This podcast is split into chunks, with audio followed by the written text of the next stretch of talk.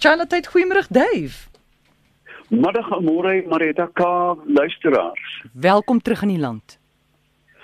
Ek voel 'n bietjie my bene is 'n bietjie jelly en al die kersse in my huis lê horisontaal. Ek dink dit was warm terwyl ek weg was.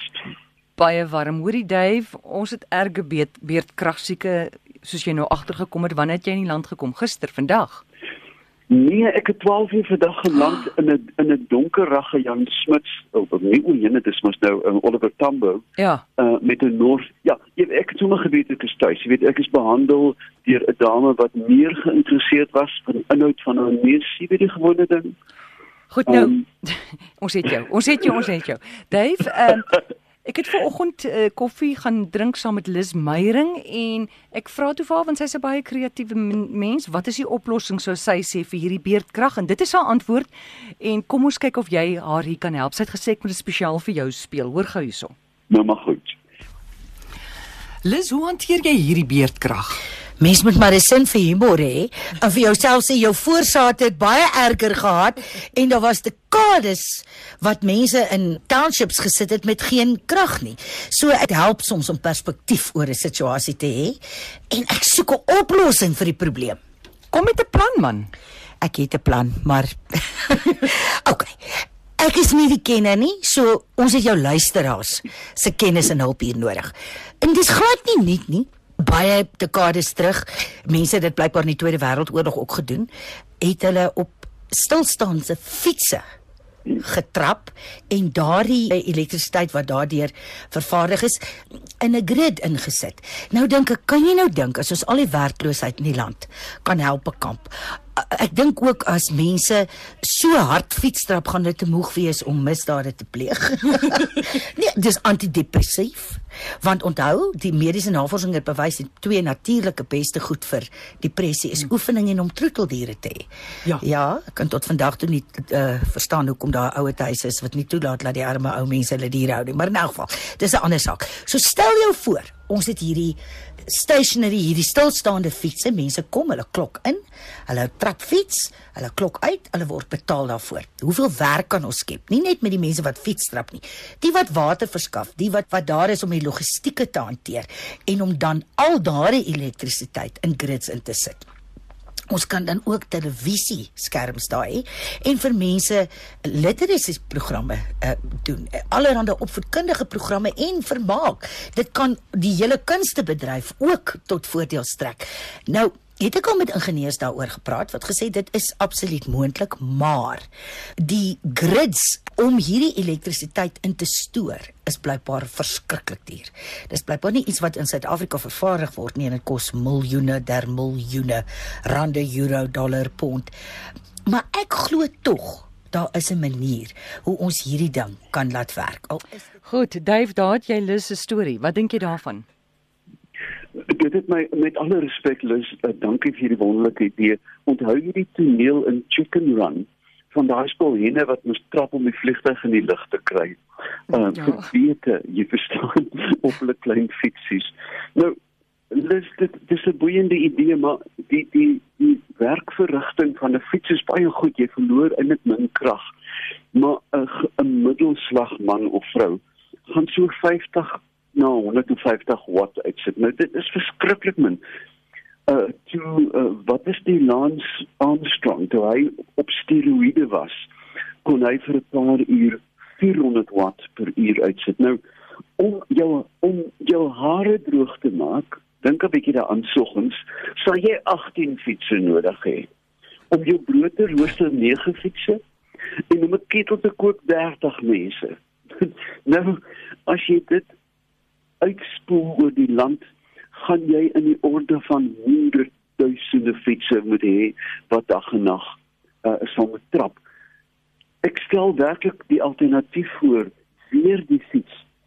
Gebruik liewer jou fiets om inkopies te gaan maak, uh, om iets af te lewer by 'n buurman onder in die straat, om te gaan kuier op 'n Sondag as jou jou gaste nie te ver is nie die bydrae wat jy maak deur 'n fiets te, te ry is mateloos groter in terme van die die die ehm um, uitset van van giftige gasse ehm um, as wat jy krag opwek. So lus ek dink dit is tegnies moontlik en dit is heel moontlik moontlik in 'n stad soos Londen waar jy sien net maar 4000 fietsse in die straat het en iemand wil gou 'n koffie koop en dan trap jy vir 20 minute. Dis goedkoper by ons om heel moontlik 'n boorgat in die parlement in te boor en al die gas wat daar uitkom te verbrand om krag op te wek. Maar fietsse dink ek gaan nie by ons werk. As jy dan dink ons het 6 miljoen mense wat werkloos is. Wie skal ja, hulle inspann? Kijk, jy kan hulle inspann, maar nou moet jy nou moet jy begin somme maak. Een wat 'n fiets jy sal spesiale fietsse met 'n opwekker, met ander woorde met 'n dinamo. Die fietsse sal nie net buite kan staan nie, daar moet 'n afstand wees teen die son en die wind. So die infrastruktuur om sê nou maar 800 of 900 duisend fietsopwekkers te net te vestig gaan jare se trap kos om dit te betaal omdat die uitset so laag is. En kragopwekking werk op 'n ondenkbare groot skaal hidroelektries kern as jy dink aan daai klein plekkie by Kuiberg wat al die krag uitsit nog meer indrukwekkend natuurlik is ry Appington toe en kyk na daai sonopwekker weet jy al môre uit die uit die vliegtuig lyk dit na 'n drukspyker in die veld en tog daai klein stukkie aarde het oor genoeg sonskyn om om dorpe aan die gang te. Jy kan dit byna nie jy kan dit byna nie omskakel in fiets nie. Dit is die, die skaal van van die van wat ons nodig het is mm. eenvoudig te groot. Goed, David, ja. Om om om om jou om jou fiets te verdiskonteer ten ten opsigte van brandstof is 'n briljante idee. Hou net. Goed, ek het vir Dani op die lyn. Hallo Dani, jy kan ja. met my Dave praat? Ja. Ja, ek kan. O nee nee nee, ek wou Ek, is jammer bel vir die tyd dat ek wou gedis vir Eskom gegee het. Okay, goed nee Dani, jy kan vir my SMS 45 Goeiemôre, is Chanat uit. Hallo. Enige iemand met 'n vraag vir Dave 0891104553. Dave, nou ook terwyl jy weg was, daar heel wat gebeur. Daar's 'n ontdekking gemaak uh, naby Mosselbaai so 185 km, ek dink Kaapse kant toe uh gas of uh olieontdekking. Hulle praat van die Brilpadda projek. Ek weet nie of jy daarvan weet nie. Heelwat mense sê dit gaan 'n wonderlike hupstoot aan ons ekonomie gee en die die, groen mense sê weer o eh, eh dit gaan glad nie werkie. Ja, uh, môre nee, ek het natuurlik kyk ek lê op krisis in USA en my kooi terwyl ander mense slaap, dis ek koerante. So ek het bewus van die Brilpadda ding.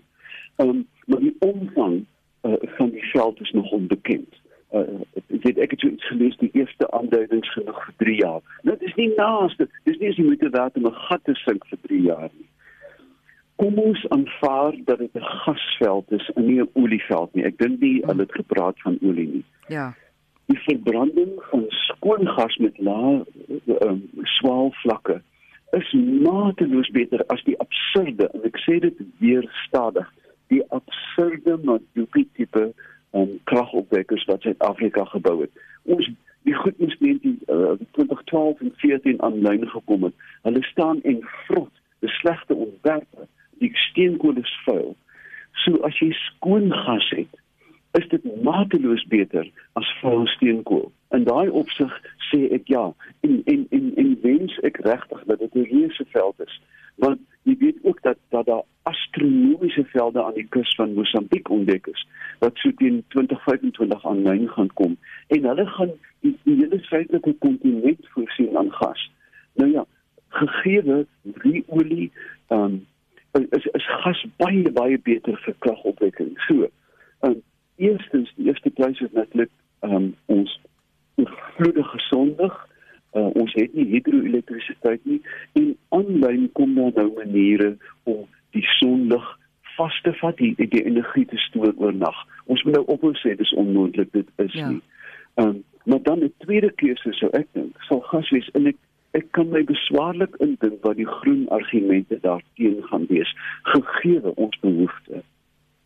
Goed, ons vat nog 'n oproep, laaste oproep. Charlotte, goeiemôre. Hallo. Hallo. Hi, met wie praat ons? Martin. Hallo Martin. Ek is al so ehm um, dinge skool vir Eskom en gas en goed wat kan ek gedui om die ander te vra asseblief. Jy kan met Dave praat, maar sit net jou radio af asseblief. Ja. Goed.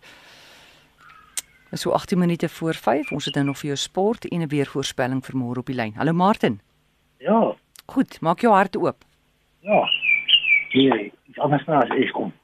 Hy ehm um, kom uit riviere wat oosvloei soos die olifants en die Limpopo. Groot goggas, wees krokodille, seekoeie en selfs Mosambik haie. Maar nie ehm um, riviere wat wesvloei soos die Oranje rivier stelsel nie. Ek luister graag vir die radio. Okay, Dave, het jy daai een? Ja, Amore, ver- verpak die vraag net vir my vinnig. Ek kon niks hoor. Okay, hoekom 'n riviere wat oos vloei? Hoekom het daai riviere ja.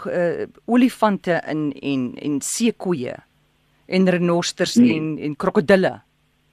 Ja, nee nee, ek, ek ja, ek dink 'n mens kan die antwoord in terme van krokodille uit uit die aard beantwoord. Maar ons weet vir ons siel dat die Kaapstad het olifante gehad. Stel ons het olifante gehad. Hulle was die wêreld vol ehm um, voor die mens. Wil voor die, voor die bevolking uit Europa hier aangekom het.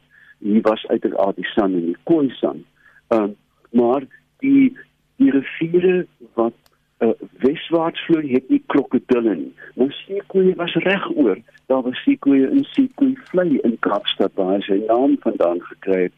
Daar was seekoeie in Clan William en olifante en renosters.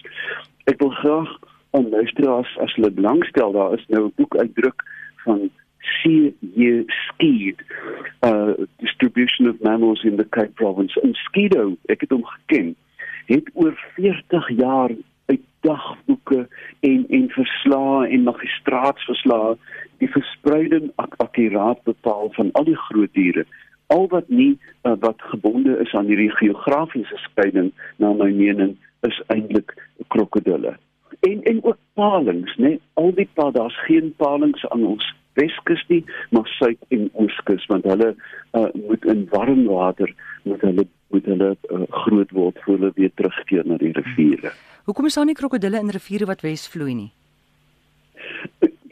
heel moontlik is dat dat in die weste kant van die land word dit te koud in die winters. Um, uh, kyk, Natal het nooit natuurlik in die Drakensberg, maar daar's ook die klokke dit laaglike liggende riviere hiervan van Senema van Plettenberg baai af het nie die strawwe winters wat die weste het nie. En, en, en, en omdat hulle reptiele is uiteraard oorleef hulle baie moeilik met hierdie strawwe winters. Met 'n harde ruitselike bedoel uitsit. Goed. Dave, ons gaan jou groet. Jy moet nou rus kry en dan praat ons weer volgende Woensdag. Waarvan praat jy van rus die woordfees begin Sondag en ek is net daarmee klaar voor ek Indië toe gaan. O, goed. O, goed. Okay. Fiets toe met jou. Loop trap op jou fiets. Dis Dave Peppler en onthou jy kan hom kontak op sy Facebook bladsy.